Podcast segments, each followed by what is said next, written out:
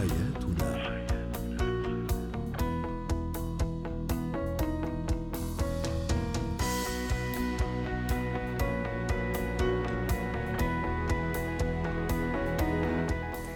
مستمعينا الكرام أهلا بكم معنا إلى برنامج حياتنا برنامجكم اليومي الذي يعنى بشؤون الأسرة وباقي الشؤون الحياتية الأخرى. هو وهي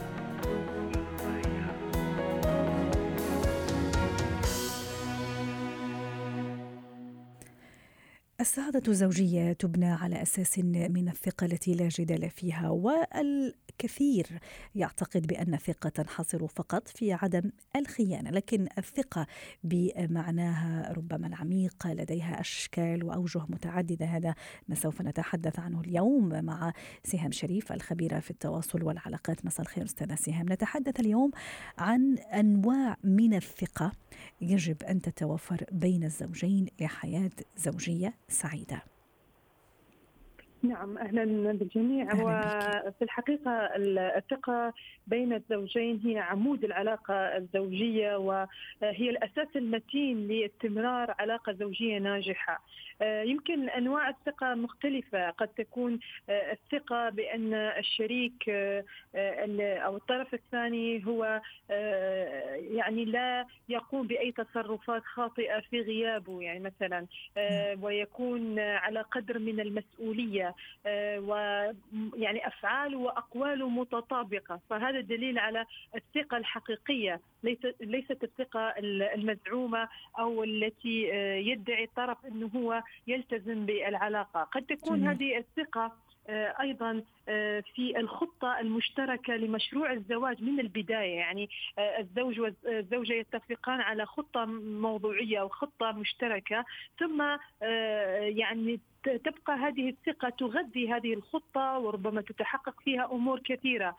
هذا بناء على الثقة المتبادلة بين الطرفين أنهم يدعمون بعضهم البعض. يعني لا يدخلون في صراعات أو في يعني مثلا موضوع الشك والغيرة والأمور التي تأخذهم إلى منحى آخر في العلاقة. نعم. أه، ماذا رأي ما رأيك أستاذة سهام في الثقة أيضا من أن أه، حب الزوجة لزوجة لزوجها عفوا والزوج لزوجة زوجته هو من دون أي دوافع ومن دون أي أهداف فقط الهدف الكبير والأسمى هو العيش معا والعيش حياة سعيدة. هل هذه أيضا تعتبر من أنواع الثقة التي يجب فعلا أن تكرس؟ وكما تفضلت استخدمت مصطلح كثير جميل هو تغذي أيضا الهدف الأساسي اللي هو حياة زوجية سعيدة. هو في الحقيقة أي علاقة زوجية لابد أن تكون فيها مشاعر. إذا خلت يعني من المشاعر فهذه العلاقة يعني آه، آه، يعني ستكون باردة جدا. وصحيح ربما الأمور فيما بينهما تكون آه، تمشي بوتيرة عادية جدا وتتحقق بعض الأهداف. لكن الطبيعة البشرية إنه أي إنسان يبحث عن شيء يدفئ مشاعره. يعني دفع المشاعر هو اللي يخلي الإنسان يصبر على الطرف الثاني يتحمل أشياء كثيرة ويخليهم أيضا في حالة من الانجذاب المستمر يعني الفتور آه، بين آه، بين الزوجين. سببه أساسا هو آه، المشاعر وخلو العلاقة الزوجية من هذا الشعلة اللي كانت ربما في بداية الزواج أو حتى لو لم تكن في بداية الزواج مع العشرة مع العشرة الطويلة بينهما والمودة تصبح هناك حالة حب ومشاعر يعني تغذي الطرفين وهذا شيء صحي جدا لأي علاقة زوجية. ربما هناك مفاجآت في الحياة الزوجية تحدث. قد تكون مفاجآت غير سارة قد تكون مفاجآت ثقيلة لكن إذا كانت الثقة متبادلة بين الطرفين راح يتحملون أي عاصفة أيوة. تمر عليهم هذا راح نعم. يقودني للسؤال الآتي أيضا والإشارة إلى نوع آخر من أنواع الثقة أحيانا بعض الزوجات وبعض الأزواج آه، يتخوفون أو تكون دائما لديهم هواجس من أن الطرف الآخر سيتخلى عنهم لأي سبب من الأسباب ربما لمشكلة معينة لعائق معين آه، قد يعترض الحياة الزوجية الثقة في الشريك أو في الشريكة من أنهما لن يتخليا عن بعض حتى ولو كانت الخلافات كبيرة والمشاكل أكبر هل هذه مهمة أيضا؟ نعم مهمة جدا. أولا قضية التواصل التواصل المستمر بين الطرفين. لابد أن أعبر حتى عن شكوكي. الشكوك لازم أعبر عنها. مخاوفي أطرحها للطرف الثاني أضعها على الطاولة. وأطرحها بشكل مباشر وصريح؟ لكن بأسلوب هادئ. جميل. إحنا دائما نقول في التوقيت المناسب في بالأسلوب اللي فيه صحيح إنه أحيانا الزوج أو الزوجة لا تفهم بالتلميح.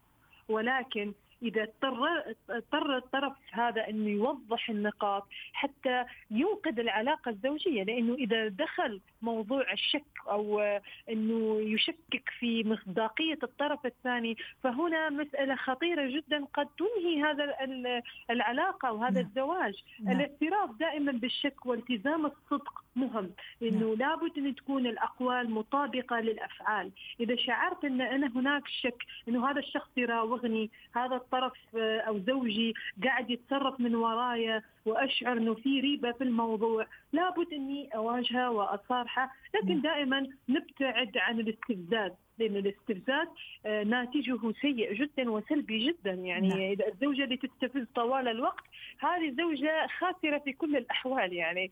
لكن النقاش باحترام على الأقل حد الاحترام هو الخط الأحمر المهم اللي لازم الطرفين ما يتجاوزوه حتى نعم. يعيشوا مع بعض يكملوا مع بعض هذه العلاقة الزوجية. تنجنب إخفاء الأسرار يعني يمكن أريد أن أنبه السادة والسيدات المستمعين إنه إخفاء التفاصيل والأسرار آه، أيضا آه، قد يكون من النقاط السوداء اللي آه، دمر رصيد العلاقة الزوجية من الثقة.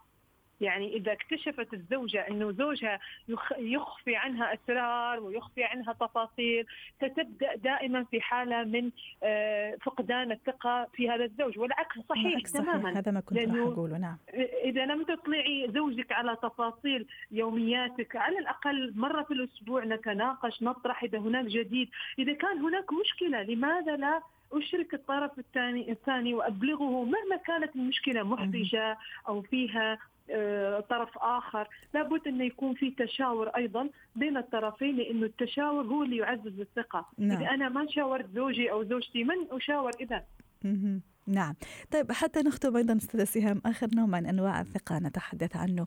الثقة بأن كل طرف أيضا لن يضر بالطرف الآخر سواء جسديا سواء لفظيا وما إلى ذلك. أيضا هل هذا من أنواع الثقة المهمة التي يجب أن تعزز بين الزوجين؟ حقيقة عزيزتي إذا كان آه، الزوج آه، مثلا عنده حالة من الكذب المستمر أو يعاني من اضطراب نفسي أو حتى الزوجة تعاني من اختلاق للأوهام أو تمر بحالة من الاكتئاب الشديد أو أي اضطراب نفسي هنا أيضا آه، يفقد الطرف الثاني الثقة نعم. في هذا الطرف. فلابد من معالجة الأمر مباشرة مثل الغيرة الزائدة. أيضا إذا يعني ازدادت فوق الحد زادت فوق الحد. أيضا هذا راح يفقد آه، نعم. الثقة بين الطرفين و خلل كبير. نتمنى التلافي شكرا لك سادة سهام شريف الخبيرة في التواصل والعلاقات. حياتنا